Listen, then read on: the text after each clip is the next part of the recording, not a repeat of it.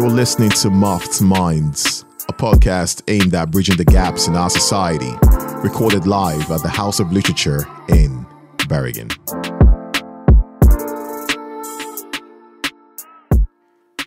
Hello, everyone. Uh, welcome to uh, Cultural Stigmas, and um, this is a series of panel discussions organized by the African Student Union in Bergen, and of course, in conjunction with Meeting of the Minds and the Literature House Bergen.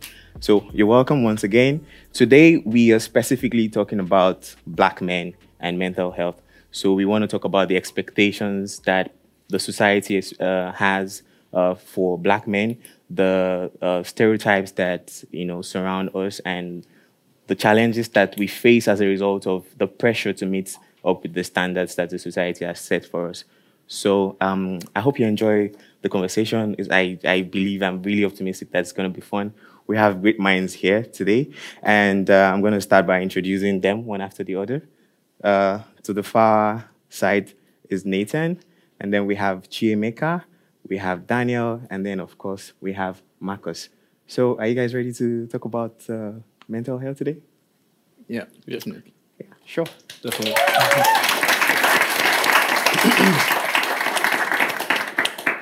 So basically, I said uh, in the beginning that we're going to be starting with these expectations. You know, it's all about uh, the society telling us what a black man should be, what we should look like, what um, we should achieve, and of course, creating the metrics to even judge uh, these achievements and to to measure uh, how far we've gone in life.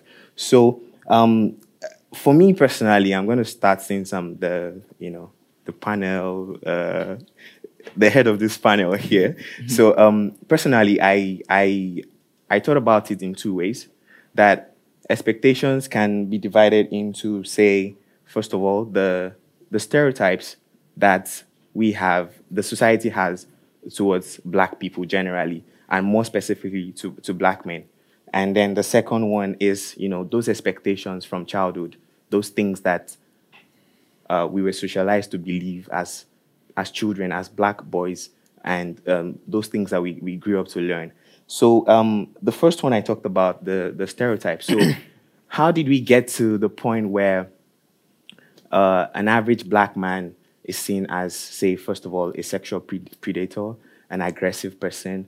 Um, you know, it, we've gotten, the society generally has gotten so to, to, to the point where um, innocently jogging in the wrong neighborhood could lead to death, you know, in some Western cultures as, as it is right now. So let's begin from there and talk about these stereotypes. You know, we are seen as uh, uh, an abuser, like I said, an alcohol um, addict, a drug addict. So how do you think we got to this position? What do you think uh, led us to the point that we are right now as black men? So would anyone want to go first? oh, okay, uh, fine. Uh, actually, um, uh, I, I, I, I'm new actually to Norway. I came here last year, mm-hmm. and uh, my entire life I was uh, I was in in Africa actually, and um, these things are some some of the things that I started to understand uh, the moment I was here, uh, because uh, before when I was big, I'm I'm actually from Zimbabwe. When I was in Zimbabwe, actually such type of stereotypes that you are mentioning, I never came across them.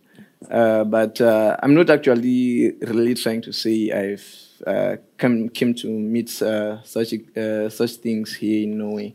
But um, what I'm trying to uh, to point out is that when I came to Norway, actually.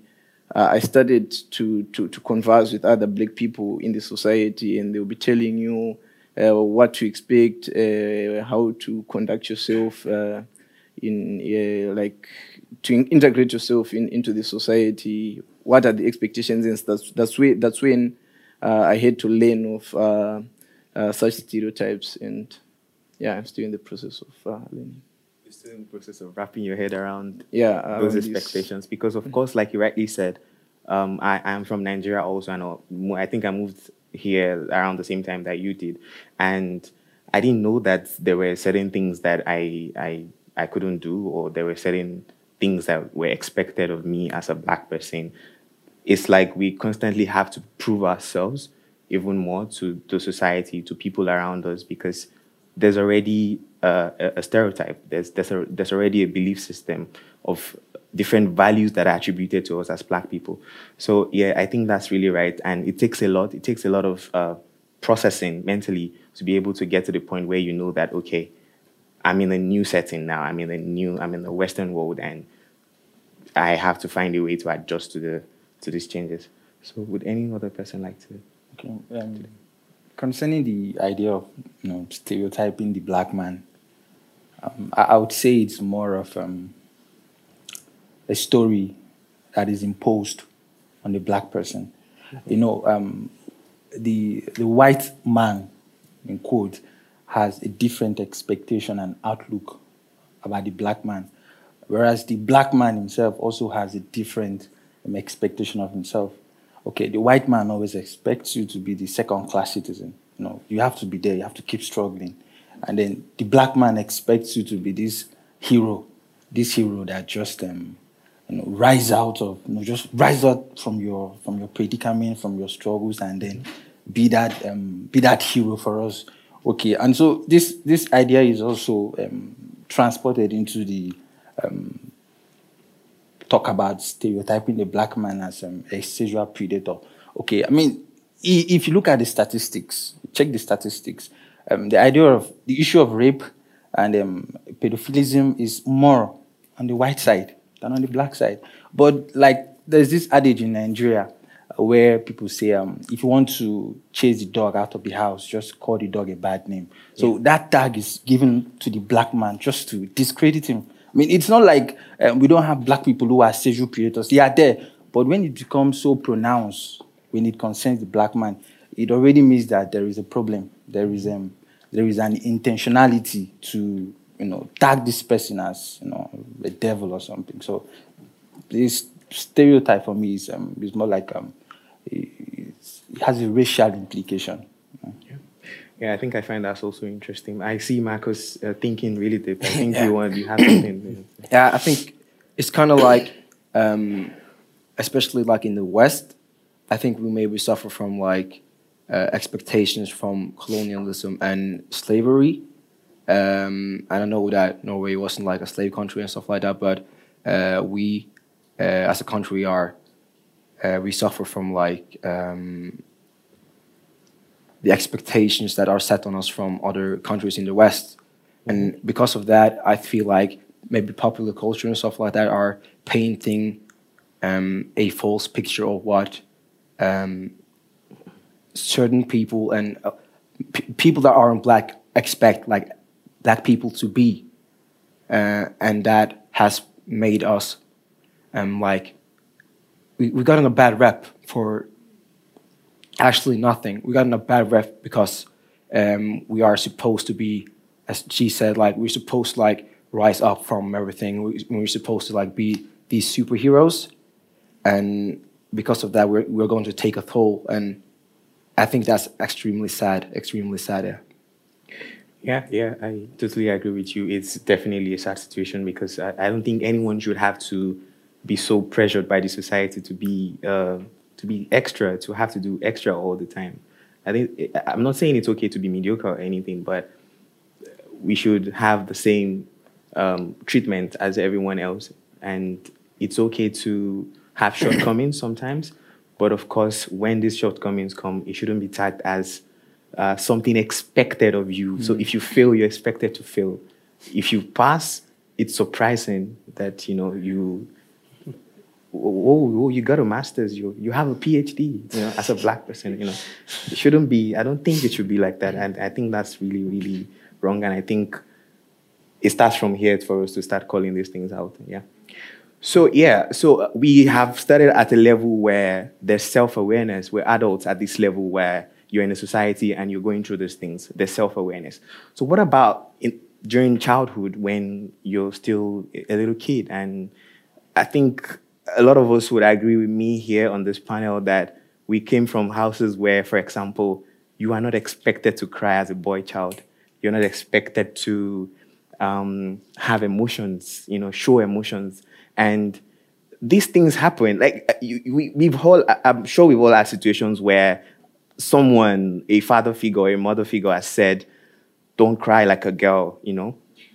What do you think about this? Do you think that those expectations that we now put on ourselves later in life and what we now call toxic masculinity these days, do you think those things start from there and how do you think this plays out? Yeah. Well, I think that is the origin of our problem. Yeah.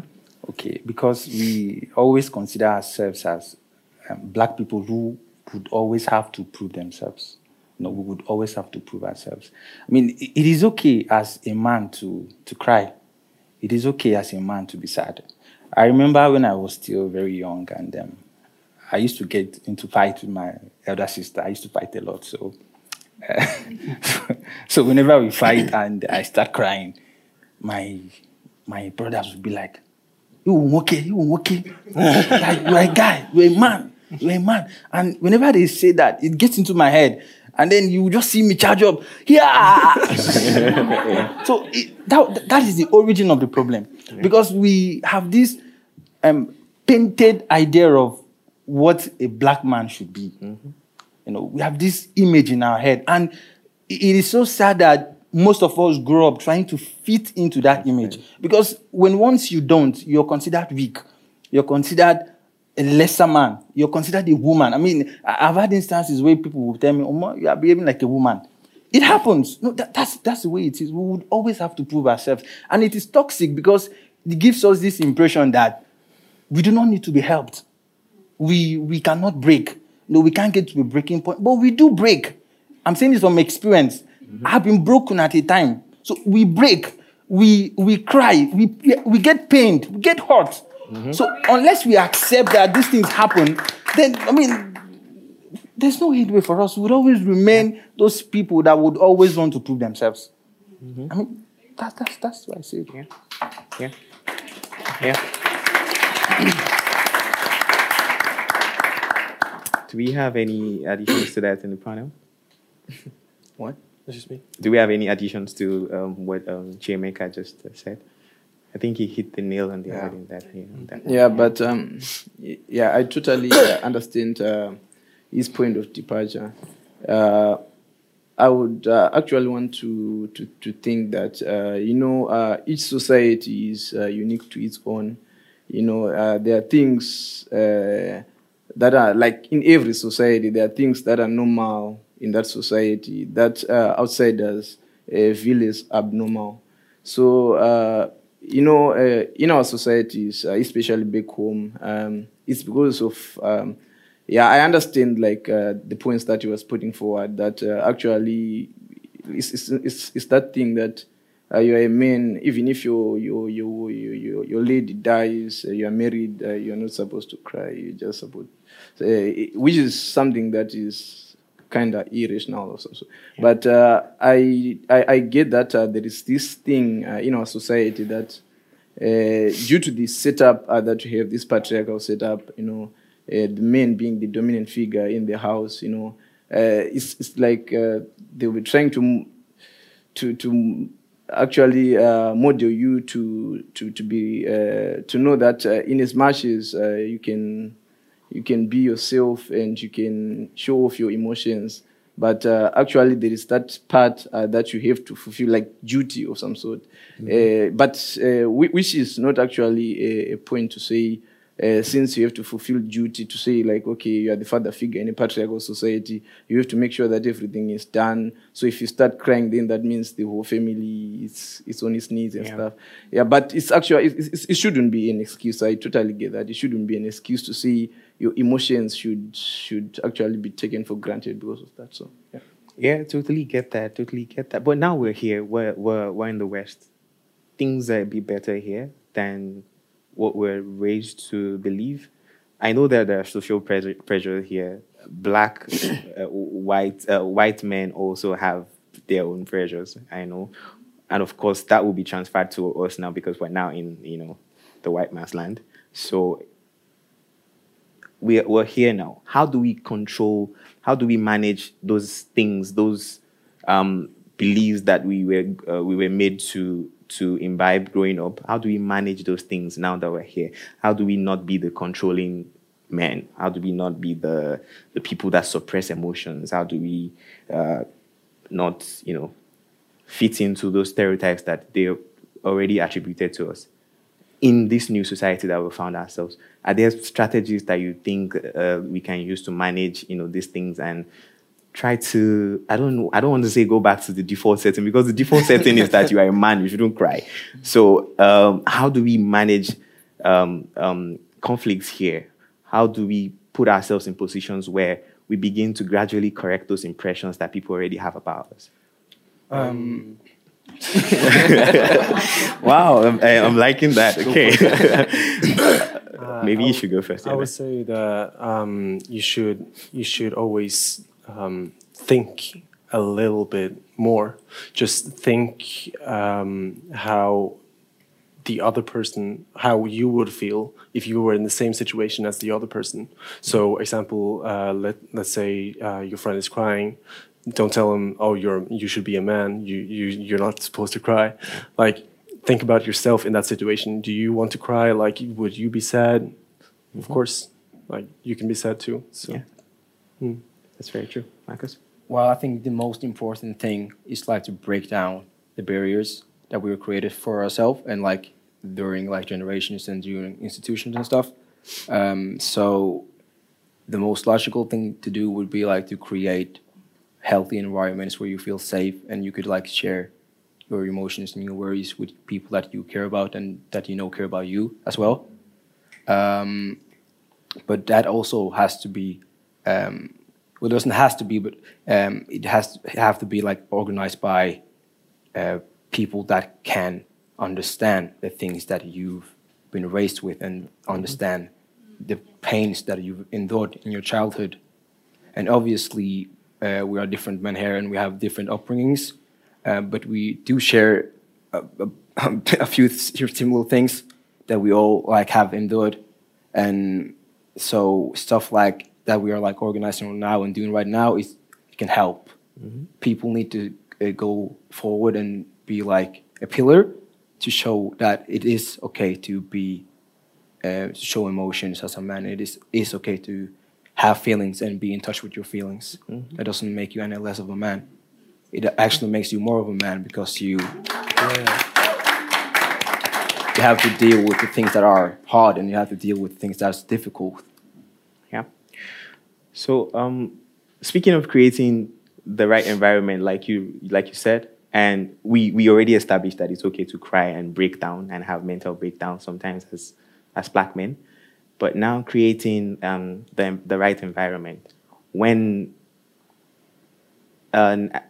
I, I want to speak for myself now. When a black man um, has emotional troubles, you're troubled mentally, you're distressed, you're more likely to talk to a fellow uh, black person, a fellow black man, a friend.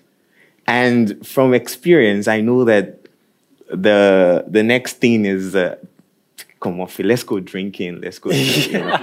The- you know, that's that's how we manage our emotions as black men. You know, we want to do something to just take it away for a moment. You know, we I'm sitting here today talking about, you know, how to manage. It's very, very likely that a friend will call me tomorrow and want to explain a situation, and I would unknowingly trivialize it and be like, "You be man now. You know, you're supposed to be able to handle these situations." But how do we, as uh, as black men, create that environment? You know, I, I have very many friends, but I'm very, very sure that if something were to happen to me today and I need someone to rely on, and I call one of them, we're gonna go drinking. That's it. that there's nothing else that would happen. We can just, you know, we just have these. We we have this thing that we do as black men. We just talk like we're not talking. You know, we don't go deep into the issues that we have. We don't really go into the origin of why things are the way they, they are. The, the, the, the, the, the, I think the, the reason that women find solace in one another is because they, they create time to actually express those emotions. But we don't have that avenue as black men. So, what do you think we can do to help one another? I think so that when I uh, go to uh, sorry, so that when I go to Nathan tomorrow, and I want to talk about something wrong with me, he doesn't, you know, offer me something else.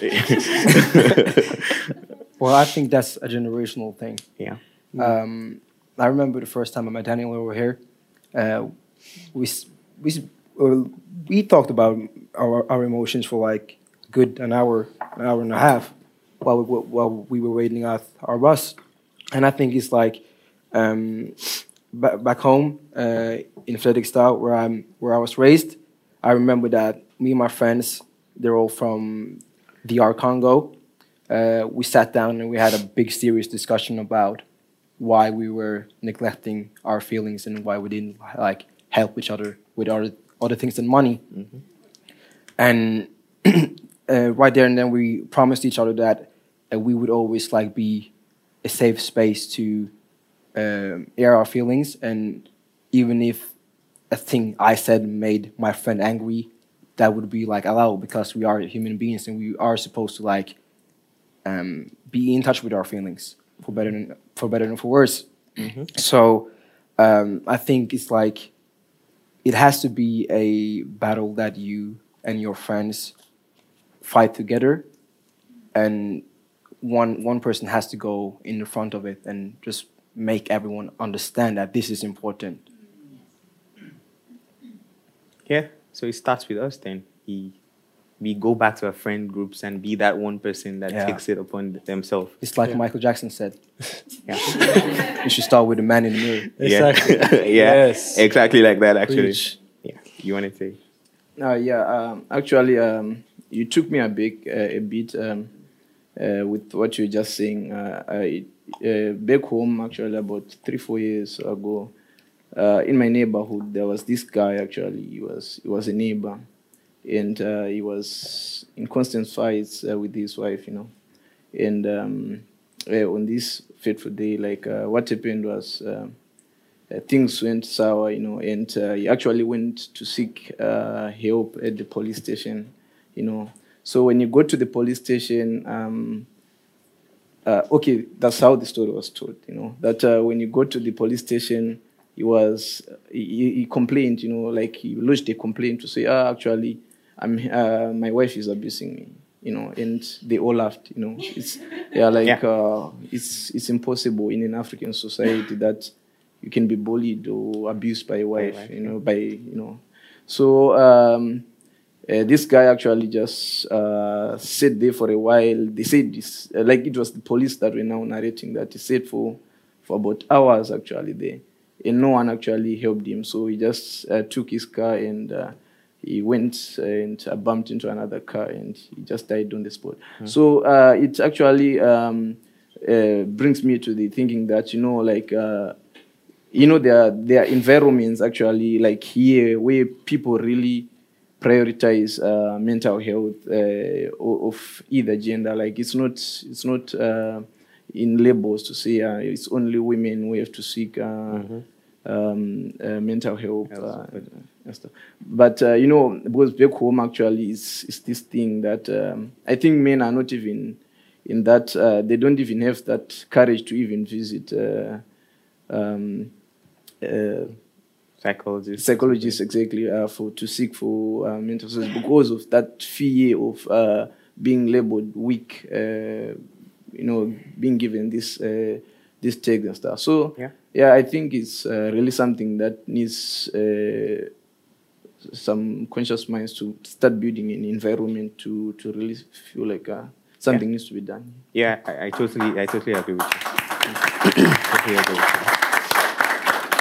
And and the truth, I know I have uncles, two of them that have been abused by their wives, like re- seriously, uh, physically um, harmed by their wives, and I, I I know that, you know, it took a lot from them to open up. You know, it was until one was limping and people asked what happened that he could tell. And even even at that, there's a, there's shame. It's it's shameful. You know, you're supposed to be in control. You know, but how much control can you really wield in uh, in a setting that's that abusive, that's toxic? So I think we should have a safe space. And they have friends. They have male friends that they could easily talk to, but it's it's like a taboo. It's like something you don't you don't discuss. Like your wife hits you, but if you if you hit a woman, the next door neighbor knows because uh, you know.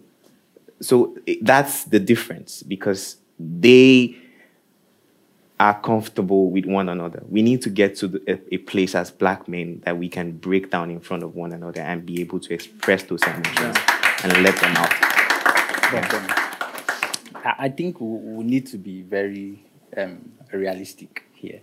Okay. Um, it, it is it is going to be very difficult. okay. Um, you see, the the character of the black man that um, we all, um, I would say, possess because it is something that we have. We can't deny it. Yeah. It's something that is both socially and culturally constructed. And it is something that we are induced into right from birth. Okay, so if we speak at if, if we speak about it as something very trivial, something we could just wake up in the morning and we're like, okay, I decided today I'm going to be open from now on. It's it's it's, it's I mean it's it's it's utopic. Yeah. Okay, it's very utopic. Okay, because our psychologists have been that, that is the way we have been oriented from birth. Mm-hmm. That you are a man, you can't be a woman. I mean, imagine I'm just imagining myself that let's say I go back to Nigeria now and I and I, I want to be open, and then I walk up to a guy and I'm like, oh boy. I won't go see psychiatrist today. The first thing you would think is that I am mad. Like, yeah, That's the course, first thing yeah, you would like, say. Ah, this guy, this guy don't crazy. Because this, this are, there's this stigma and yeah. misinformation we have about seeking help. Yeah. Especially from psychologists, from psychiatrists, from licensed and professional um, counselors. Mm-hmm. Yeah. It is that this person is, you're either crazy or you're about to go crazy. yeah. Okay, so it's not going to be easy at all. So I think the bulk of the work would have to begin from our homes because that was where the issue started in the first place. Mm-hmm. So we have to go back to our homes, our families, our parents. I mean, this is where this is where um, the availability of the parents would, would come in. I mean, it's not you, you're not just a parent because you're able to pay your what school fee or feed them. You need to be available to them emotionally. I mean, our African men do very terrible at that. I remember my dad. There was something that happened one time in my in my family. My mom had a partial stroke. She just woke up in the morning and then she started ah she can't feel her hands, she can't feel her legs, and we were all crying. And then my dad walked into the room and he just stood. He was just looking at my mom. He was looking, ah, can you me? Like, what is happening? And we're like, we don't know. We just woke up and she's like this. And he was like, hmm. I'm going to bring her to the parlor. I'm like, okay. As in, there was no show of emotion that ah, yeah. something like this happened. Yeah. That, that's the way it is, and that's the way we are built. So unless our parents begin to infuse it into our minds, into our heads, right from birth, mm-hmm. that look, you are a man. If you, if you have difficulties, you can come and talk to me. You can, if you have emotional problems, maybe you're you're stressed out, you're depressed, open up and talk. Mm-hmm. Except we do that, no matter how we struggle and say, okay, we want to be open, we may not ever get to that point. Yeah. I mean, the white people do better at this than us. I'm going to, I'm going to say it yeah, openly. They do better at this. I mean, it, it, white parents are best at them um, maybe counseling their kids and then you know giving them uh, accompanying them on their journey through life than black people do. That's just yeah. true. I'm glad you mentioned our parents um, because uh, um, I I put a lot of thought into the older generation, the the older black generation, and the damage that it did to all of us. You know, uh, but I, I put a lot of thought into it. But then again, it struck me at some point that we can continue to blame them till thy kingdom come, but we are the new parents now. We're gonna be parents someday. We're gonna have uh, we're gonna have kids possibly. You know, at some point, we're gonna we have the re- uh, the the responsibility to raise the next generation now. So I think it's really important, and I think. Uh, ASUIB and our collaborators deserve an applause for organizing such events so that now we, we, we are beginning to see that there's a problem. We're acknowledging that there's a problem. We're discussing it. From then on, I believe that we should go back to our various homes, go back to our families of orientation, our own families of procreation, and see how we can, you know, effect these changes, see how we can make a difference because we cannot continue to be, you know, the hyper strong superheroes that you know the world thinks we are, and we try to deceive ourselves that we are sometimes. Ah, okay. Uh, I just want to, to give an unpopular uh, submission. Um, it reminds me uh, of the uh, last um, um, event that we had actually on uh, black women and mental health. And uh, I still remember Nsebo gave a submission that back home she didn't have this thing of thinking too much about, you know, like being self-aware that I can actually require to visit a psychiatrist, a counselor for my mental health, and that everything uh, seemed okay. And that by coming here, she felt of some sort that she's becoming weak. Uh, though she then uh, went further to say, okay, I don't want to get into that, but actually, um, my point is. Um, I, I noticed for me, like I, I, I'm not trying to say the way we, we were raised is okay, but I'm trying to see I wasn't having anything to think that I'm like uh, to think around these mental things when I was back home. I never had these uh, deep, deep thoughts. Maybe the, I think most people, uh, like most, most, most black people back home, uh, their mental struggles are with where am I going to secure the like money or something to, yeah. to, to keep the family going. Not really too much uh, delving into emotions and stuff. But uh, yeah, when I got here, then that's when you start to to really feel a lot of things are not normal. You know, like uh, like like you said, like uh, when, when uh, earlier that um, this stereotyping and stuff. When you are told that ah here things are done like A B C D E F, you know, and the whole life, uh, 25 years back, I was socialized to do things uh, EFD and and then you start to wonder, you know, like that's when you, you, you become sort of a misfit. Then that's when you can start to feel your your, your mental uh, that your mental health is actually uh, not there. You know, that's when I got here. That's when I started to really think like, okay, things can actually go south here. It's, it's no longer normal. You know, mentally, it's. Uh, yeah, yeah, I, I, I totally agree with you. Um, uh, Uh, one thing I also want us to pay attention to is the fact that there's a reason why when we speak of mental health back home, we speak of people that we see on the streets that are walking, that are, you know, yeah, insane, really sick. Yeah. And there's a reason why that is the case. It's because it started from somewhere and it wasn't taken care of on time. Yeah. They were told they were strong. They were told that they they they, they had it under control. They were told that maybe you're just broke. Maybe you need some money. You know. So the the difference is clear. You know we don't see so many people actually violently, you know, uh, on the streets, uh, being being crazy or being mentally sick, you know, here in in in other Western places. As much as we see back, I'm not saying that, not you know, mentally sick. Yeah. but but you know, th- th- there's just that difference. The yeah. yeah. there's just that difference because yeah. these conversations are had from the beginning people that get addicted to whatever alcohol or drugs or whatever, it started from somewhere. They didn't just start, you know, being that way. They didn't just start taking whatever substances that they got addicted to. It started from somewhere. So it starts somewhere that we need to make sure that we begin to have that conversation at the beginning so that people don't feel like they are so strong that at, at the end of the day they, they become vulnerable in the society and become menaces to the society. So that's where we need, I think personally, that I think we need to pay attention to the roots of the problem.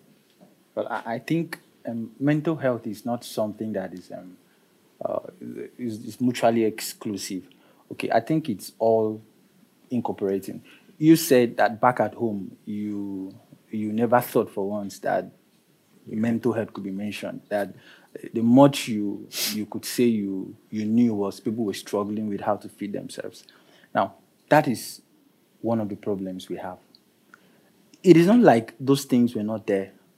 It is because yeah, they I, were I not they were not acknowledged. People do not mm-hmm. people don't accept that yeah. there is a it's problem. A problem. Yeah. I, am I'm, I'm currently um, doing a research on pain, and um, uh, my, my my my main point in my research is that everybody suffers pain, and then we all go through pain at some point in our lives.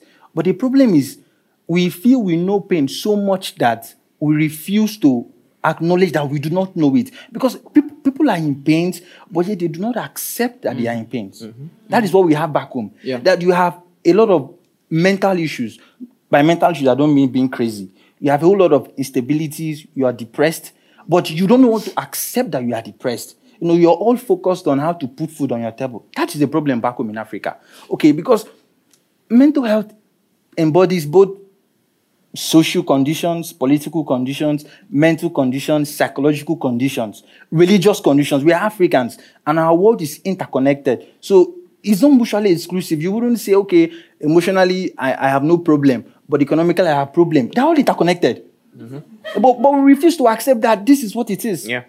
This is what it is. That's the problem we have. So we, we need to accept that whatever issue we have in one aspect of our lives flows into the rest of the aspects of our lives. So if you're economically unstable and you're mentally stressed, thinking about, okay, how am I going to get food on my table? It may affect the way you feel, the way you act, and the way you think without your knowledge. No, you just think it is. You're just living your normal life. No, I'm just, I'm just, but, but you're affected. You're affected. Yeah. You're affected. So, first of all, we need to accept it. That okay, I'm going through this stress.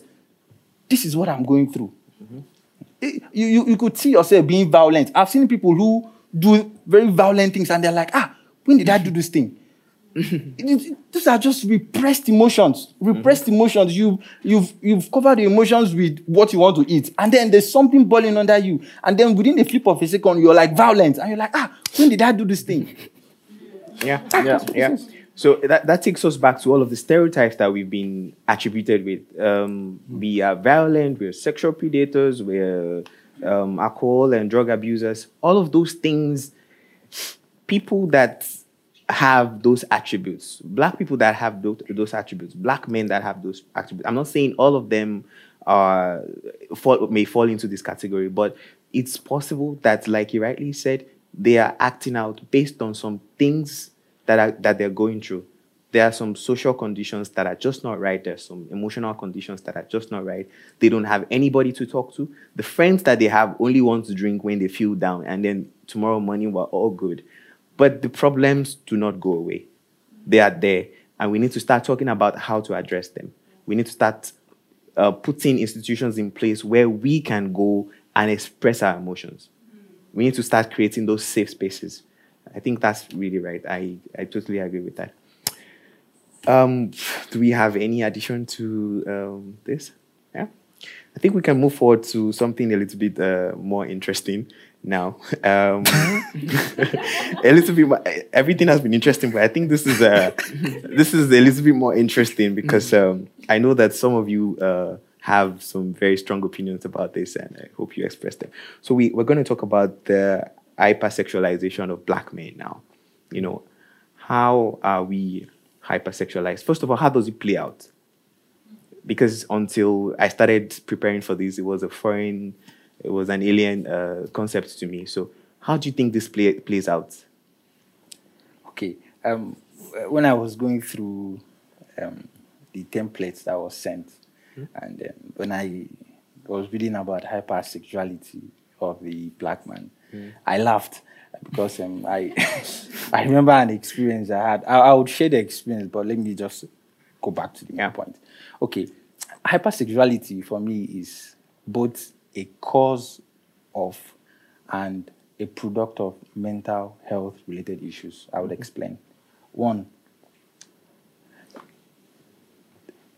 there's this thing about being depressed or being pained or being tensed, you know, being mentally unstable that um, grows other emotions in you. For instance, there's this popular saying in Nigeria that um, it is the poor person, the struggling person, that is more um, sexually active than the rich people. Yeah, It, it is true, and I'll, it is justified, and I will explain. yeah, Okay, when you're struggling, when you're going through, you know, sex, let's be very honest, sex is one way of relieving stress.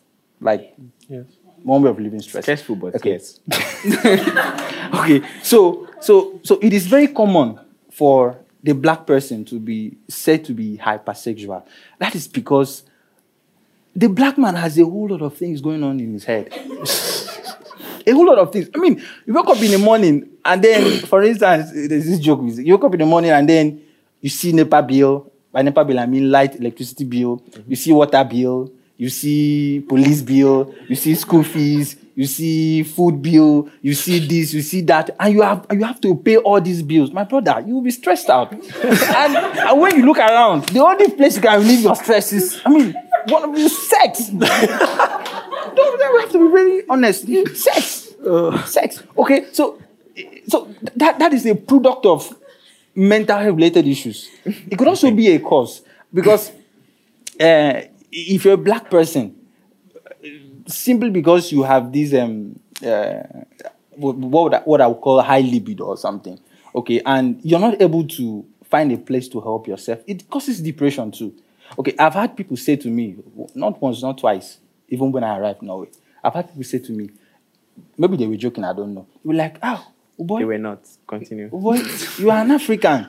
And we hear that Africans are. That's the way they just said it. They, they didn't, yeah. they, but we hear that Africans are. And I was like, Africans we, are what? We, I knew what they were saying. Yeah, we, we have. yeah, I knew what they were saying. We have a. We have a reputation as uh, black people, black men, that we, you know. Yeah. I don't know the word yeah, now, but I knew you what know, they meant. But we have we have a reputation, and I I want us to start from there also.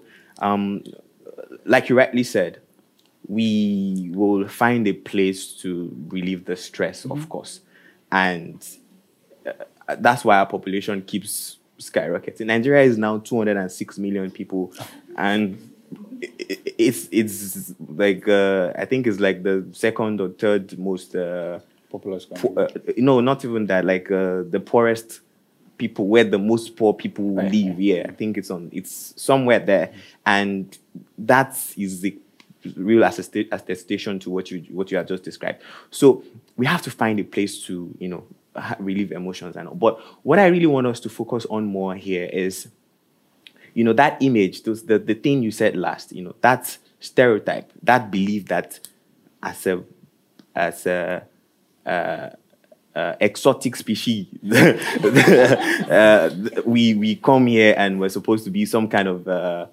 super sexual person and like where, where did that come from mm-hmm. and of course um there's I, I, spoke to some ladies today that uh, said that the, the the depiction in most um, ads on the TV of, say, for example, say sunscreen or something, something that would make you be naked.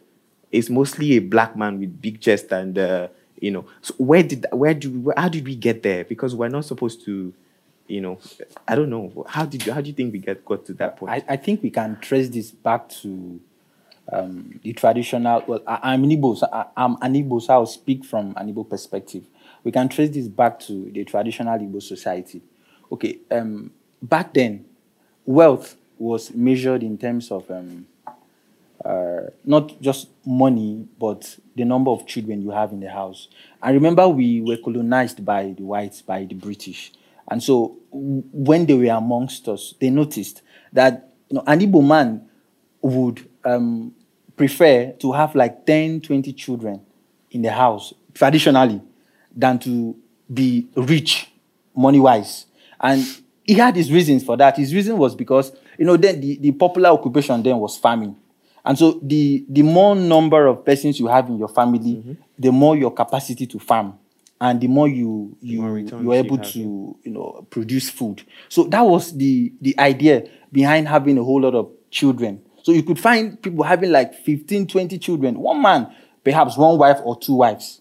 Okay, so the, the, the white man had already seen that as, ah, this man likes to do this thing. I mean, if he has like 15, 20 children, that means he's, he's hypersexual. This is what, I think he likes this. But we had our own reasons for doing that. Yeah. And it was purely economical, yeah. agricultural. Yeah. Okay, so that, that image has followed us till this very time. I'm not disputing the fact that as black people, we are strong. You know, we can do it. But that, that image has been transferred to this very point so that it becomes, it becomes inappropriately you know, you know, depicted about you by the, by the black person. Yeah, Marcus had. Uh, um, I think it can be traced back to like slavery, and like um, when white slavers were going to buy like the biggest slave available, um, obviously you would pick the man that was going to look like more physically fit, and without like going into details, we every, everyone knows about like how uh, slaves were raped and stuff like that, and I think like many of, let's say that a white slaver, lady slaver, falls in love with a black man, she will automatically, she would automatically like give him the blame of why um, she's pregnant with a black child. Um, that's very prominent in Latin American countries and especially in the United States. And because of that, I think those kind of thoughts have, have been like transformed transformed uh, during like times and, and ages. And now I remember like in 2016 um, when it was extremely popular to be like uh, light skinned and and now in like 2022 six years later it's like the complete complete opposite.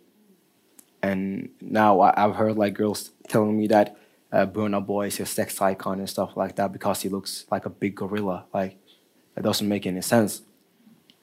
Um, I think it is like kind of an image deal um, like how popular culture portrays us and stuff like that also as well. Mm-hmm. That's super interesting.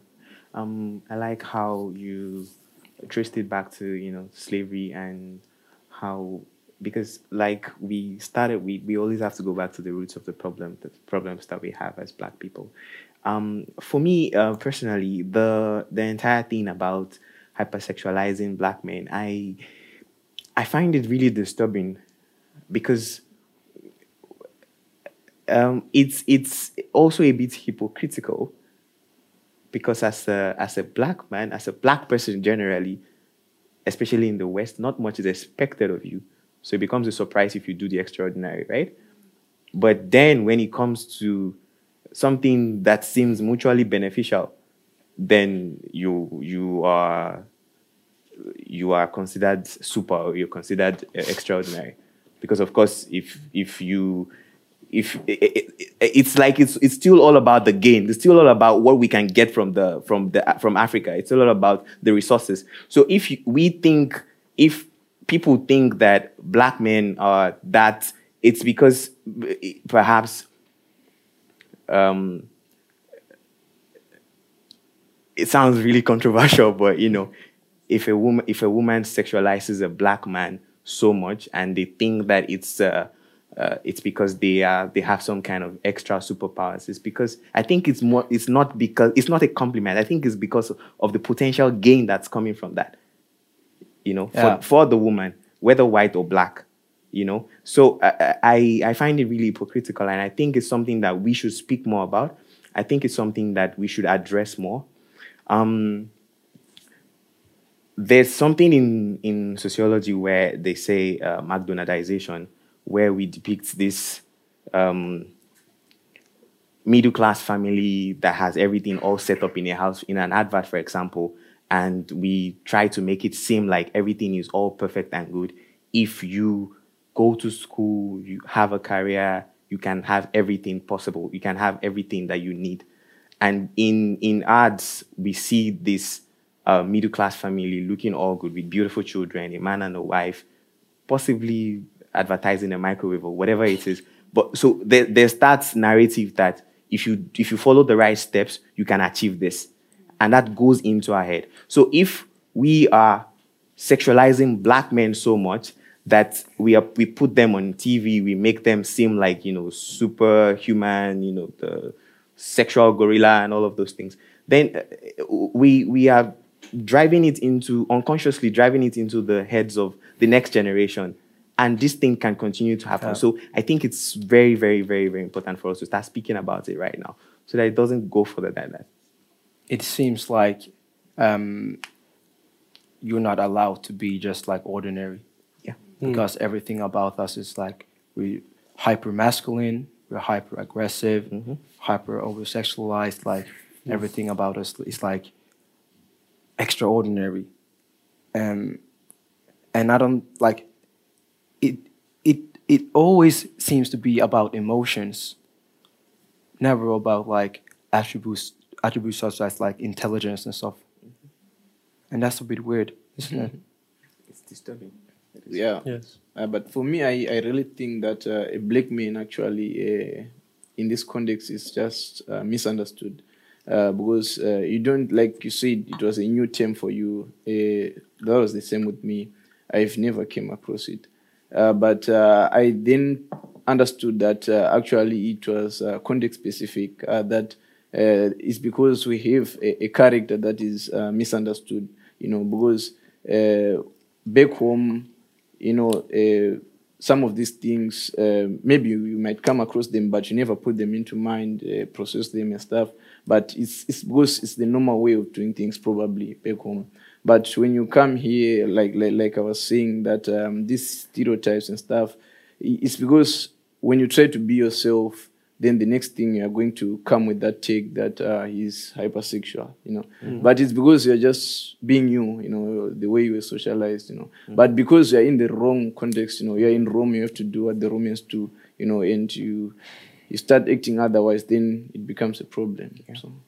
It's also if you if you um, act otherwise than the stereotype, you will be um, looked at as something white. Example.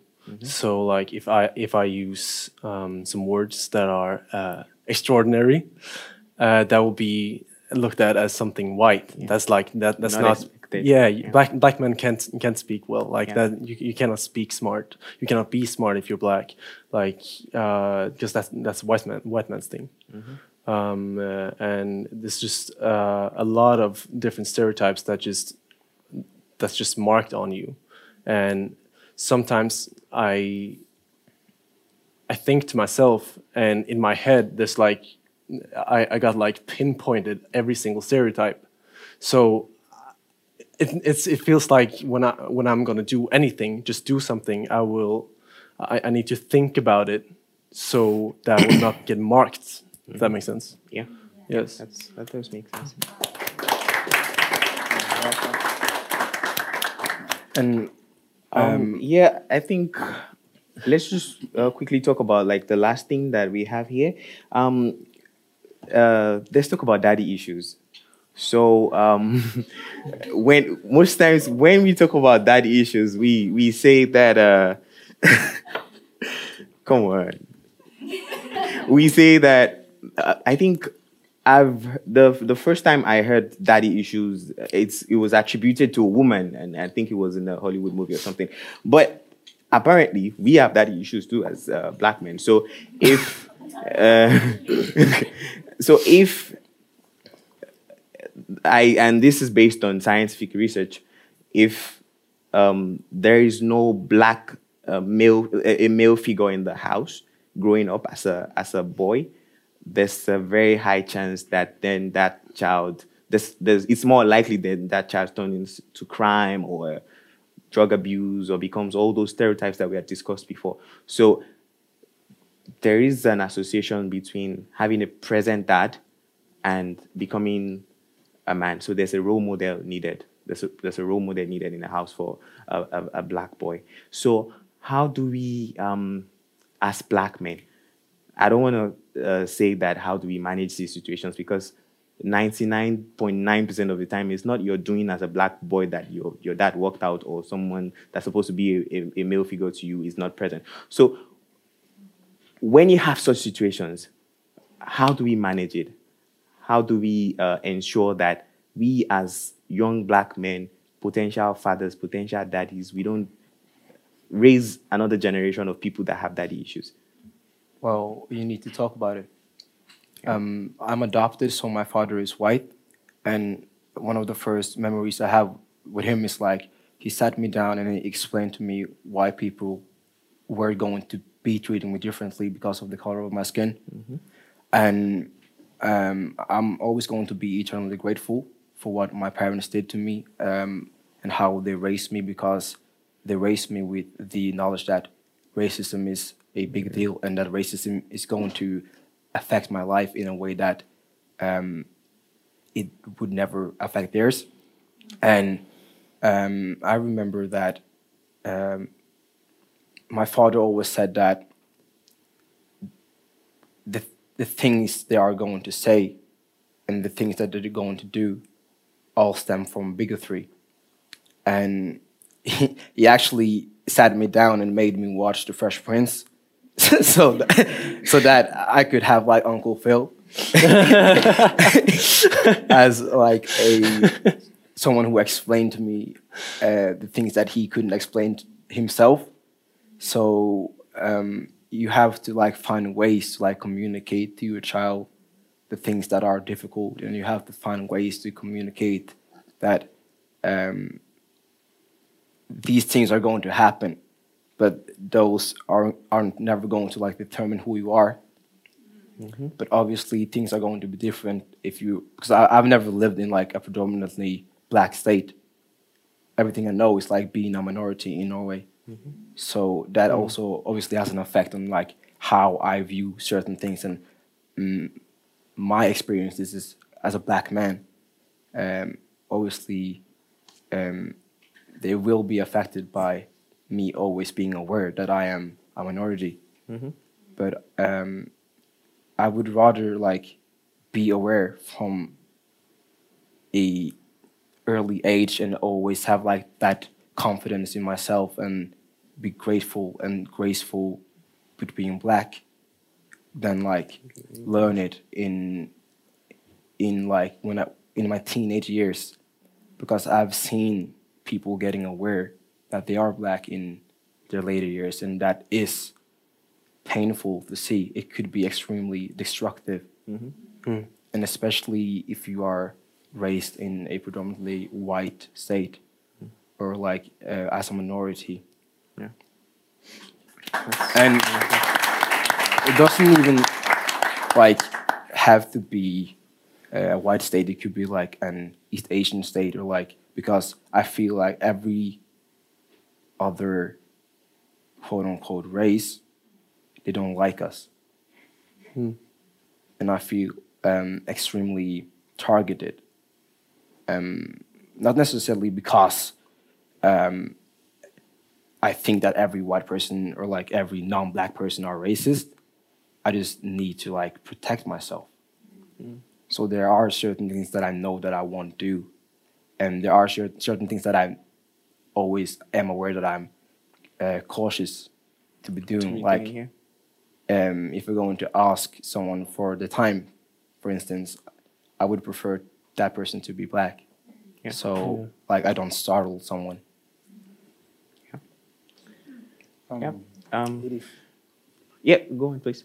it, it is very difficult to Um, we have to keep it short though, like very Yeah, short, one will. minute. Yeah. It's very difficult to be a black parent um, in a black world. Yeah. And when I say black world, I, I think I'll be speaking more from the point of um, Nigeria because that's the only word I've known you know, since when I was a child.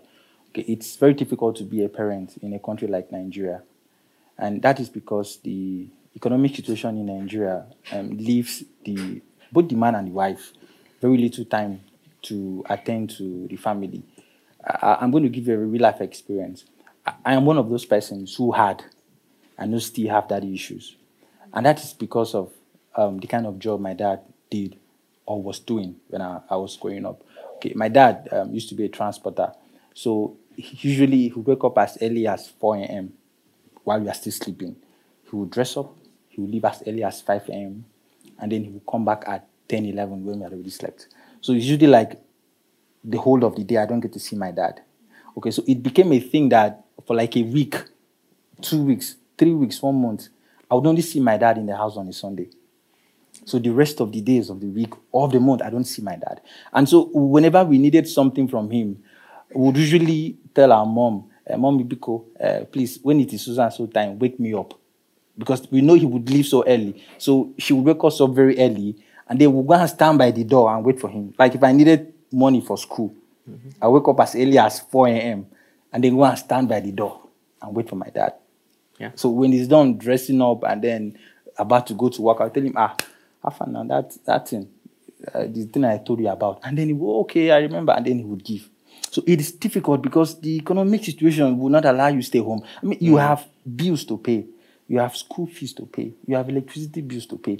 If you if you spend the little time you have at home trying to accompany your your your male child, you know, in his journey through life emotionally, I mean, what time would you have for um, your work? I know it is possible to create time, but it is difficult for the black person. Our society does not give us that that that that leisure time, that allowance to do that. Okay, so I, I think you know I said something before that the, the thing with Africa is that our world is interconnected. So you see how something in the economic sector could also affect something in the family. So except we're able to fix, we're able to fix these things, these things in the black world, fix our economy, fix our politics, fix the society, we would still have people who are suffering from these things. We still have families who are not able to, you know, keep up with the expectation of accompanying their children. So, Yeah.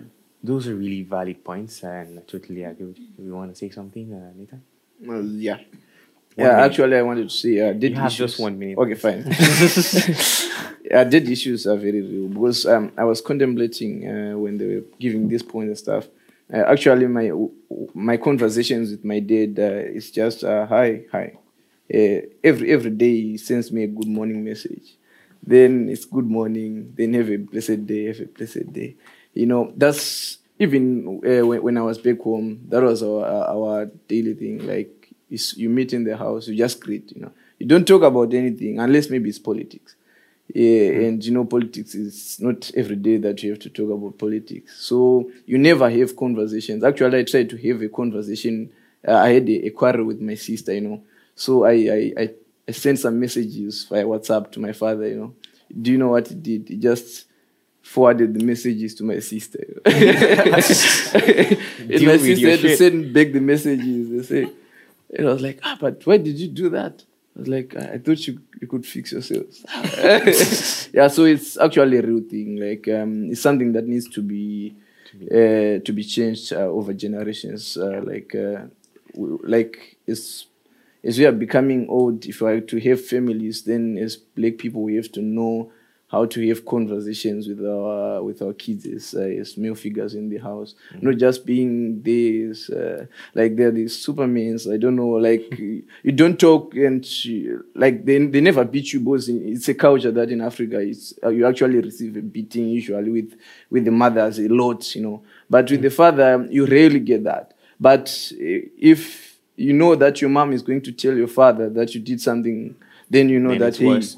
Oh hell is going to break loose, you know. But they, they, they won't do anything, but just by the look, because you don't talk. With mothers, we're used to talking a lot and stuff. So it's easier even when they beat you, like, ah, see, it's, it's not even an Yeah. issue. Yeah. Yeah, thank you so much for that. Um, it's yeah. Um, bo- both of your comments are like very, very clear descriptions of what is going on on the African continent and how the the bigger society, our institutions, and the problems therein go a long way in affecting parenting, affecting the times that parents have to raise their children, affecting the times that uh, dads have to, you know, spend with their, their, their sons, their daughters, their children. So I, I totally agree with all of that. But there's one thing I would add, uh, which would probably be the final thing we'll, uh, that we'll be able to say to, uh, on this uh, before we take questions from the audience is that there's a reason why we're here now, and we're not just having this for the fun of it. This is where the change is supposed to begin from. So we have been fortunate to um, to have the opportunities to go uh, st- some steps higher in the social strata than our parents. We need to do better. We need to raise better kids. We need to raise you know kids that have relationships with us as fathers, relationships with you know the family, have good values, and that communication should be there. We should prepare them and make them understand that the society could be hostile sometimes. They need to know as black kids that the society will be will be will be hostile. That there will be situations where they would not feel like they belonged. We need to prepare them for that, and the only way we can prepare them for that, that if we also are knowledgeable enough, because you cannot give what you do not have. You cannot tell them what you do not know. So it's good that um, we are doing this. It's good that we are confident enough to come here and talk about these things because those, these are things that ordinarily we do not talk about as black people.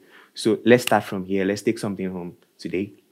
That is okay to be vulnerable. That is where our strength actually lies as black people, as black men. It's okay to be vulnerable. It's okay to seek help. It's always okay to seek help. So um, with this, I think we have come to the end of the first part of the discussion, which is the panel discussion here. And uh, we can now take questions from the audience. I think someone will help us to organize that.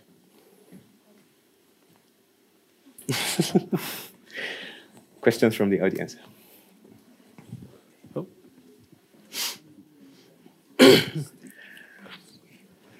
Uh, I'm very glad to be here today. And uh, I would like to thank our brothers uh, for their ideas and uh, experiences as well. I'll be quick. Uh, uh, me growing up um, from Ghana natively, and uh, I, I, see they've shared everything about. My question was actually to ask how we can build a healthy and strong masculinity in our community. And one thing that I just wanted to add up, uh, I think they've said everything. So uh, I'm talking about. I know most of us have uh, confidence but we don't have racial confidence. And as a black man, everywhere we go, we are hated. Not no offense, but that's how it seems. Mm. So for us to build a healthy and strong racial confidence, we need to go back before colonization and read about history. Because me, growing up, I didn't have any confidence. But growing up from Ghana, I didn't even know what Ghana meant. But actually, it was from Ghana Empire, which was way before white men came into Africa or Arabs came into Africa.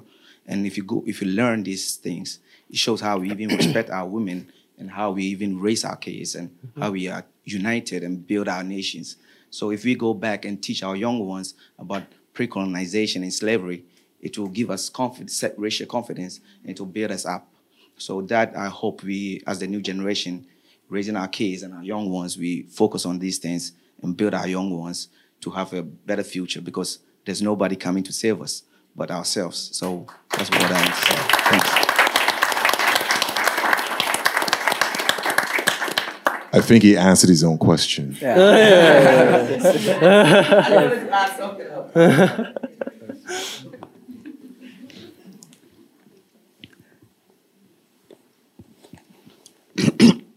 Hello, uh, I'm Alpha. Uh, my question was um, lately, me and my family, we went to a couple of things, and uh, I wanted to ask a question based on our aggression. Why are we black people being seen so aggressive? And when you decide to choose thinking strategical, they call you less than a man. You're not a real black man. You understand all of those, those, those, small type of things. We don't live where we used to live in Africa when aggression was maybe your way of surviving. Because I'm from Kinshasa, and Kinshasa, you cannot just leave your house. You might meet somebody there who ask you, "Let me everything you have. If you don't give me, you know, you might die today." So we was we was in a situation where we had to use aggression. Basically, I lived it a couple of times, no once, no twice. So we are here, and when you try to think mentally, and people think like you are not a man, you're less of a man, and all of these small words they sit in your brain, and tomorrow they might push you to do something that you never thought to do because you wanna show that I'm a man, I'm like him, I'm like the rest of the men based on the way they react to. So my question is, what can we do to kill that you know, the representative of also being aggressive or something like that. I'm out. Um, the first thing that came to mind was like um, to kill ego and kill pride. Uh, because I was just thinking that um, if if we feel like we are forced to act certain ways to prove our masculinity that um, inherently stems from like insecurities. Um, I think we should like try to grow and strengthen our sense of self that you could know and acknowledge that you are a man even though other people tells you that you aren't because that doesn't necessarily mean that's true yeah Um, I think I sorry. I think I, I have something to say. Okay, yeah. Okay, Please go um, ahead. The over emphasis on the black person as an angry person is um, there. There's a reason for that. The the the idea could be traced back to a time after the American civil civil rights movement, you know, Martin Luther and the rest. Okay, now that that image about the black person was imposed partially on the white by the white man because they wanted to discredit the black person. Okay, you know, I, I said something at first that in in Igbo we have this adage that says when you want to send the dog out of the house, just call the dog a bad name. So they had that tag on the black man. He's angry. He he complains a lot. So that when eventually he begins to complain about the the, the effects of um, racism on himself and his kind, it will be termed that he's just making noise. It's their way. So it's it, it's it's it's it's an intentional tag on the black person by the white people. So that whatever we see at any point, they're like, ah, he's, he's used to being angry. That is just saying it. There's no sense in what he's saying. So we are, yeah, we, we could have our anger issues, but it is not as it is being painted. It's not as it's being painted. Do you have a follow up quickly, and then Yeah. I would say, Yeah. And it's not like we're not like deserving to be angry. Yeah, Everyone, everyone remembers what happened to George Floyd and several other black people and black men all around, all around the world. Yeah.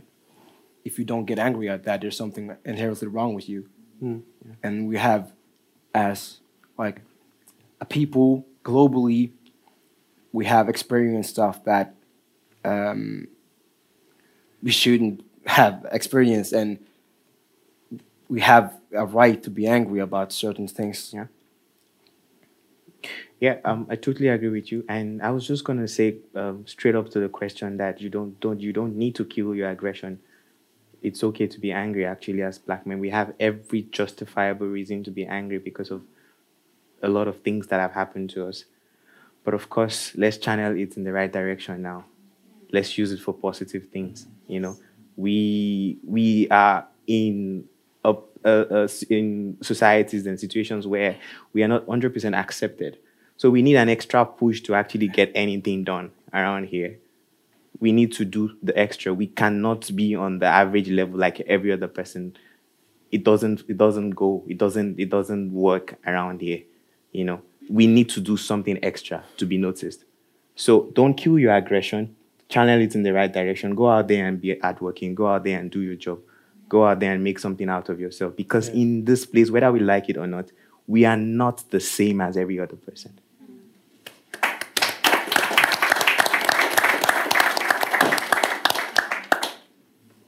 This is not a question more so than a statement, but on the topic of anger, I would just like to say that um, anger is like a normal emotion, just as the other, like happiness, sadness, and all the other. And if you like do not let yourself feel the anger, you're gonna have like a really hard time processing your emotions because it's important to like remember that anger is just another emotion. So if you allow yourself to feel sadness and happiness, you have to also let yourself feel anger. And as you said, we have a lot of things to be angry about. And if you do not just process these emotions in a healthy way, preferably, you you will the anger is going to come out and we have seen what happens to people like black people that let their anger come out in and they happen to be in a dangerous situations mm-hmm. so if you if you are able to and have people around you that you can express your emotions to also anger do that.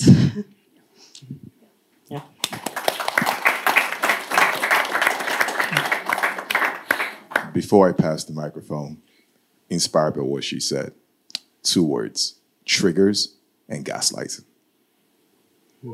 Just remember those.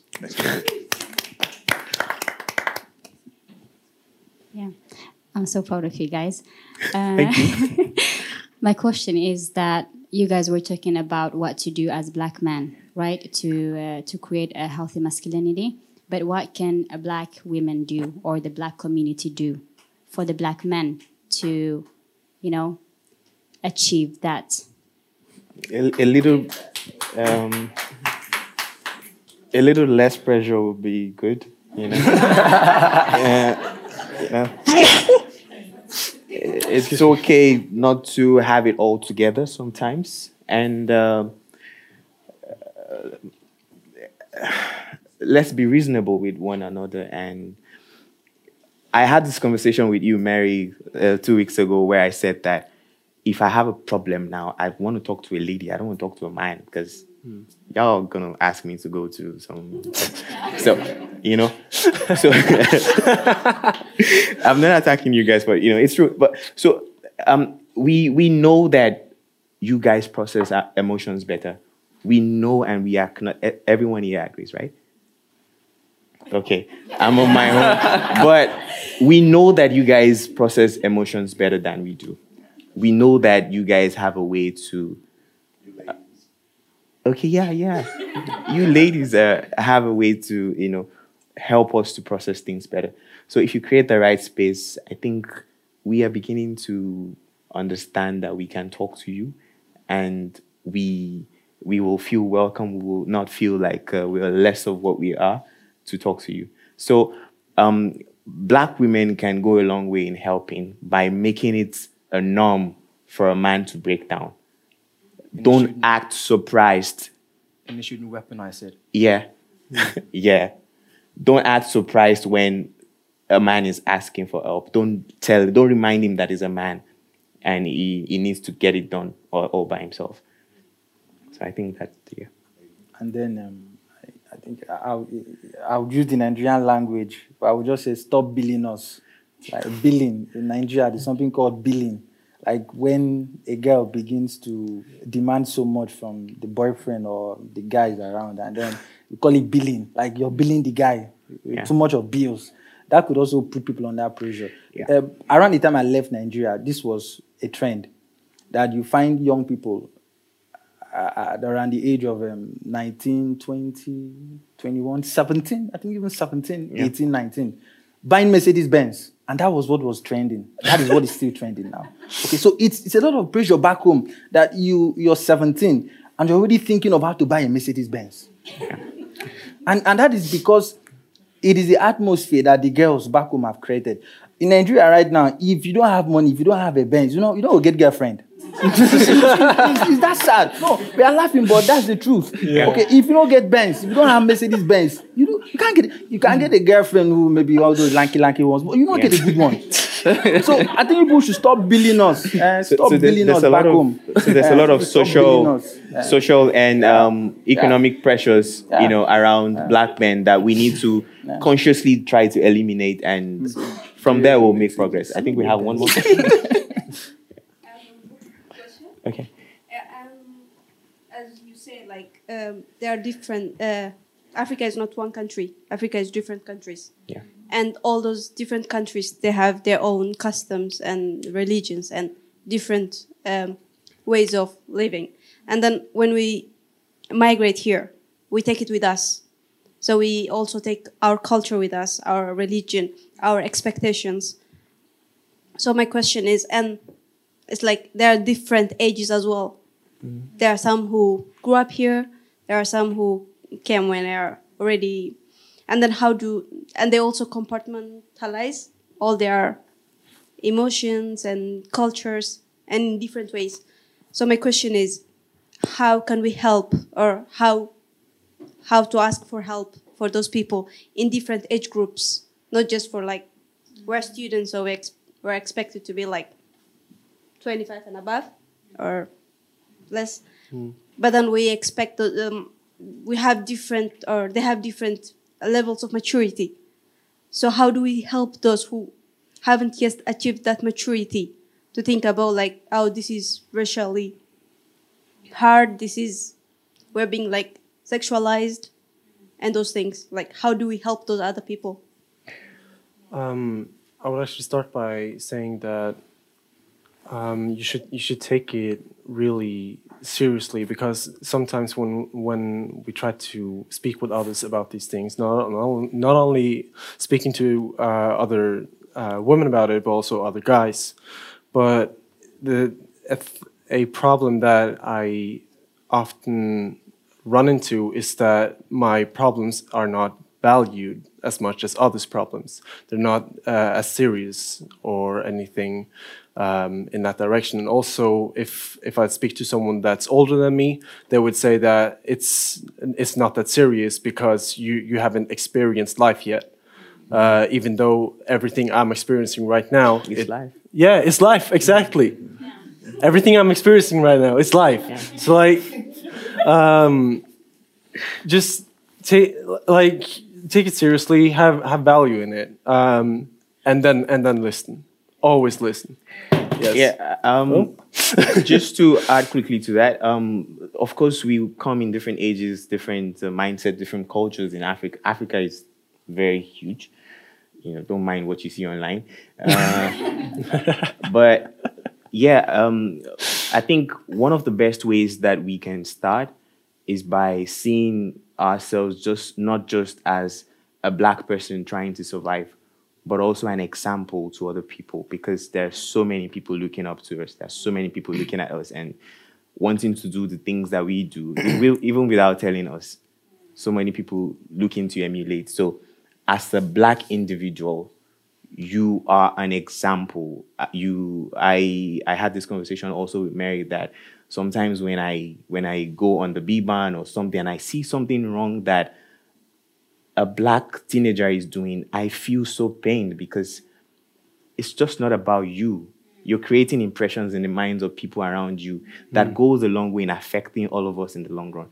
So see yourself as a change agent. See yourself as someone that needs to um, um, change impressions, you know. And I think that's the that's the way to start. So it doesn't matter where you're, you're from, Zanzibar or from Nigeria or whatever. Just behave well, you know.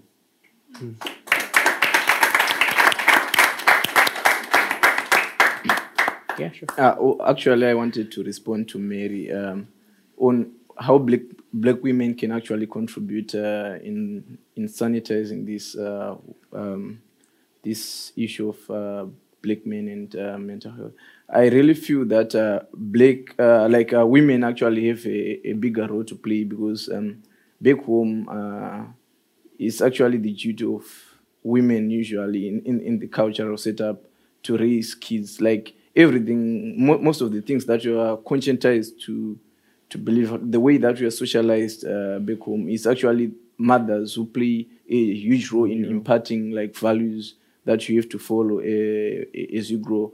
Uh, they're the ones who tell you that being a man is A, B, C, D. So, like, if you are actually uh, there to stimulate change, then that means it has to also start with the mothers. They're the ones who have to tell, uh, like, uh, their male kids that it's okay to cry, uh, that it's okay to seek mental health, uh, rather than telling them that you're going to be the a father figure, so you have to act uh, like in this way. Yeah, yeah, that's uh, very correct. To answer her question, because I work with kids and, and young individuals. Um, to answer your question quite briefly, um, most of our parents coming here, um, no one really teaches them how to deal with the emotional transitions that happens. Um, unfortunately, when you're in Africa, you're not really aware of what colonial mindset is until you actually leave and you come here and then you're reminded constantly that you're not from here.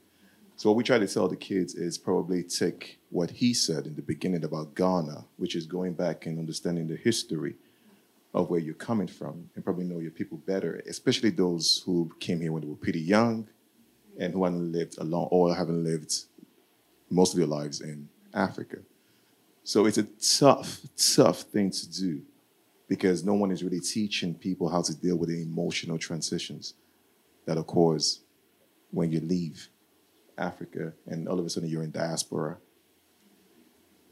So it's a, it's a process, and, and, and this kind of conversations are usually very necessary, and that's why we try to have them as much as we can so people don't feel left out because it's nice to be mm-hmm. in a room with people who actually look like you.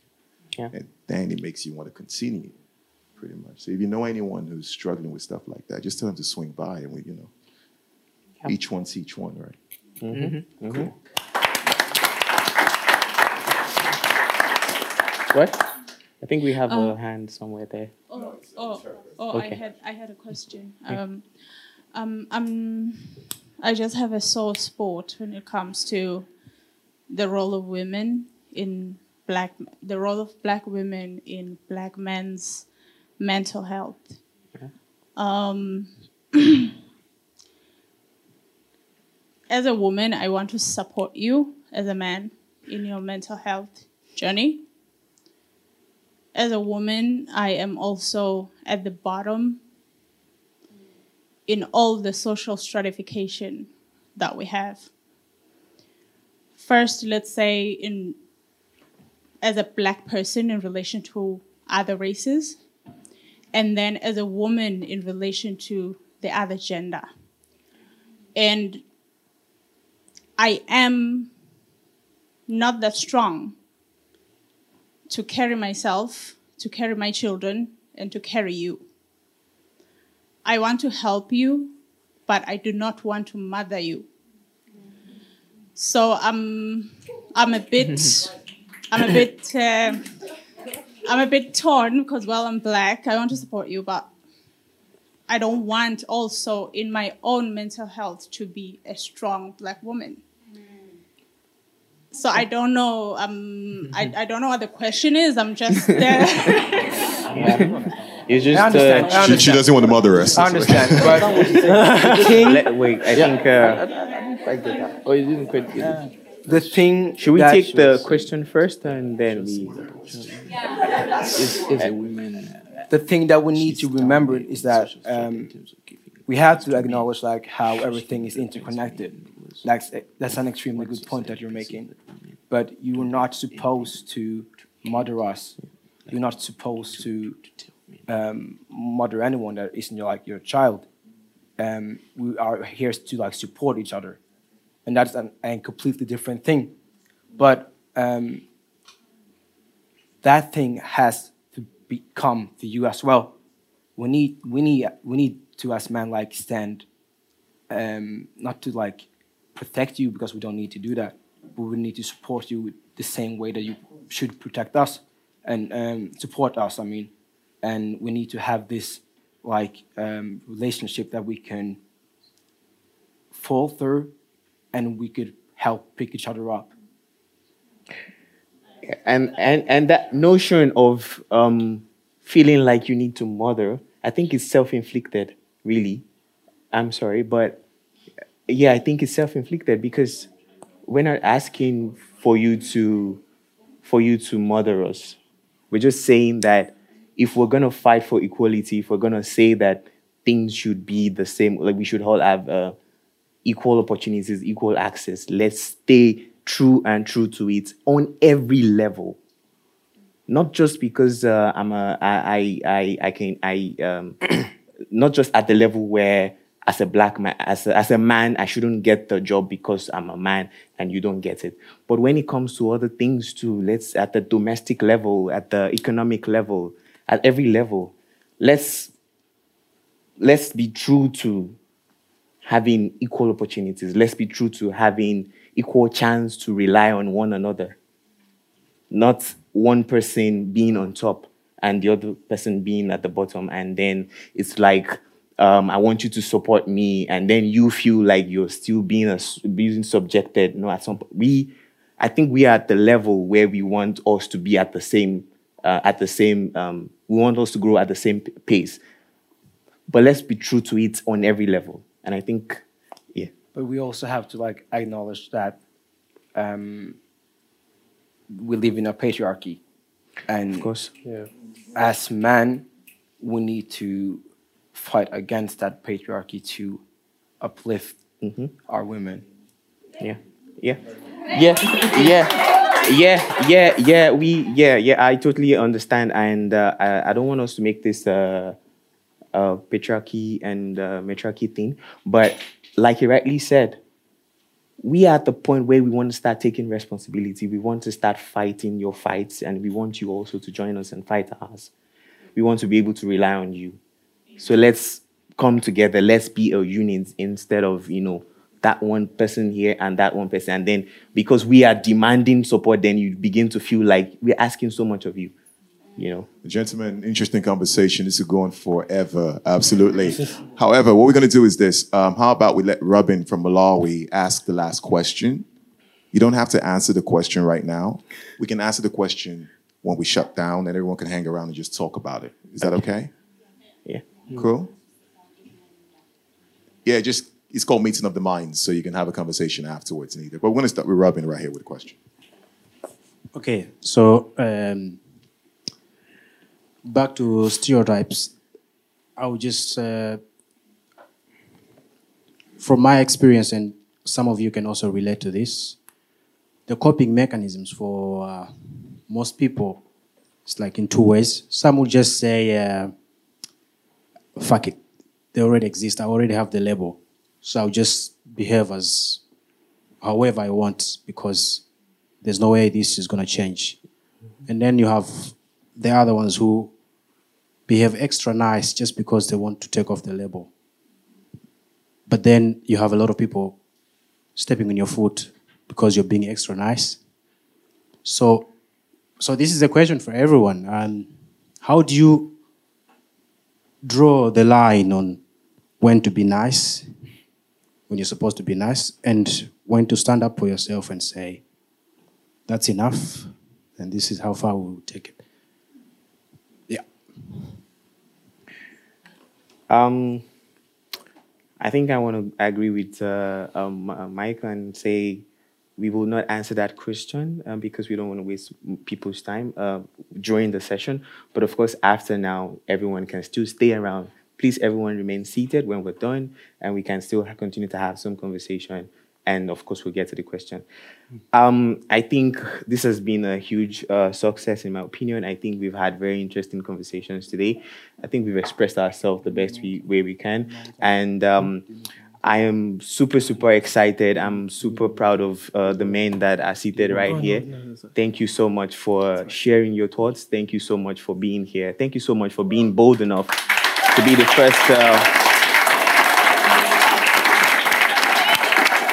to be the first um, set of guys that uh, decided to pick up uh, this and discuss it because it actually uh, it deserves to be talked about uh, you know a lot. So thank you so much. Um, thank you so so much. We can thank you enough from a, um, ASUIB, and um, with that we come to the end of our discussion. Um, ASUIB is the African Student Union in Bergen. We are domiciled at the University of Bergen, but of course every student uh, from the um, schools in the west part of Norway are welcome to join us.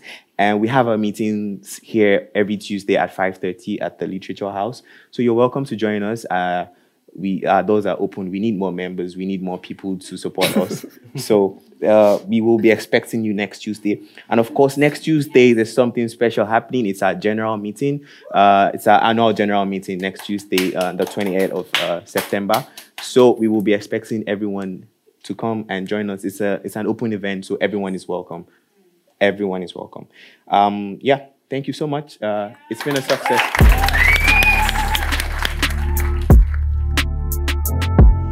This Meeting of the Mind podcast is brought to you by Slam Poetry Bergen in conjunction in collaboration with the House of Literature in Bergen.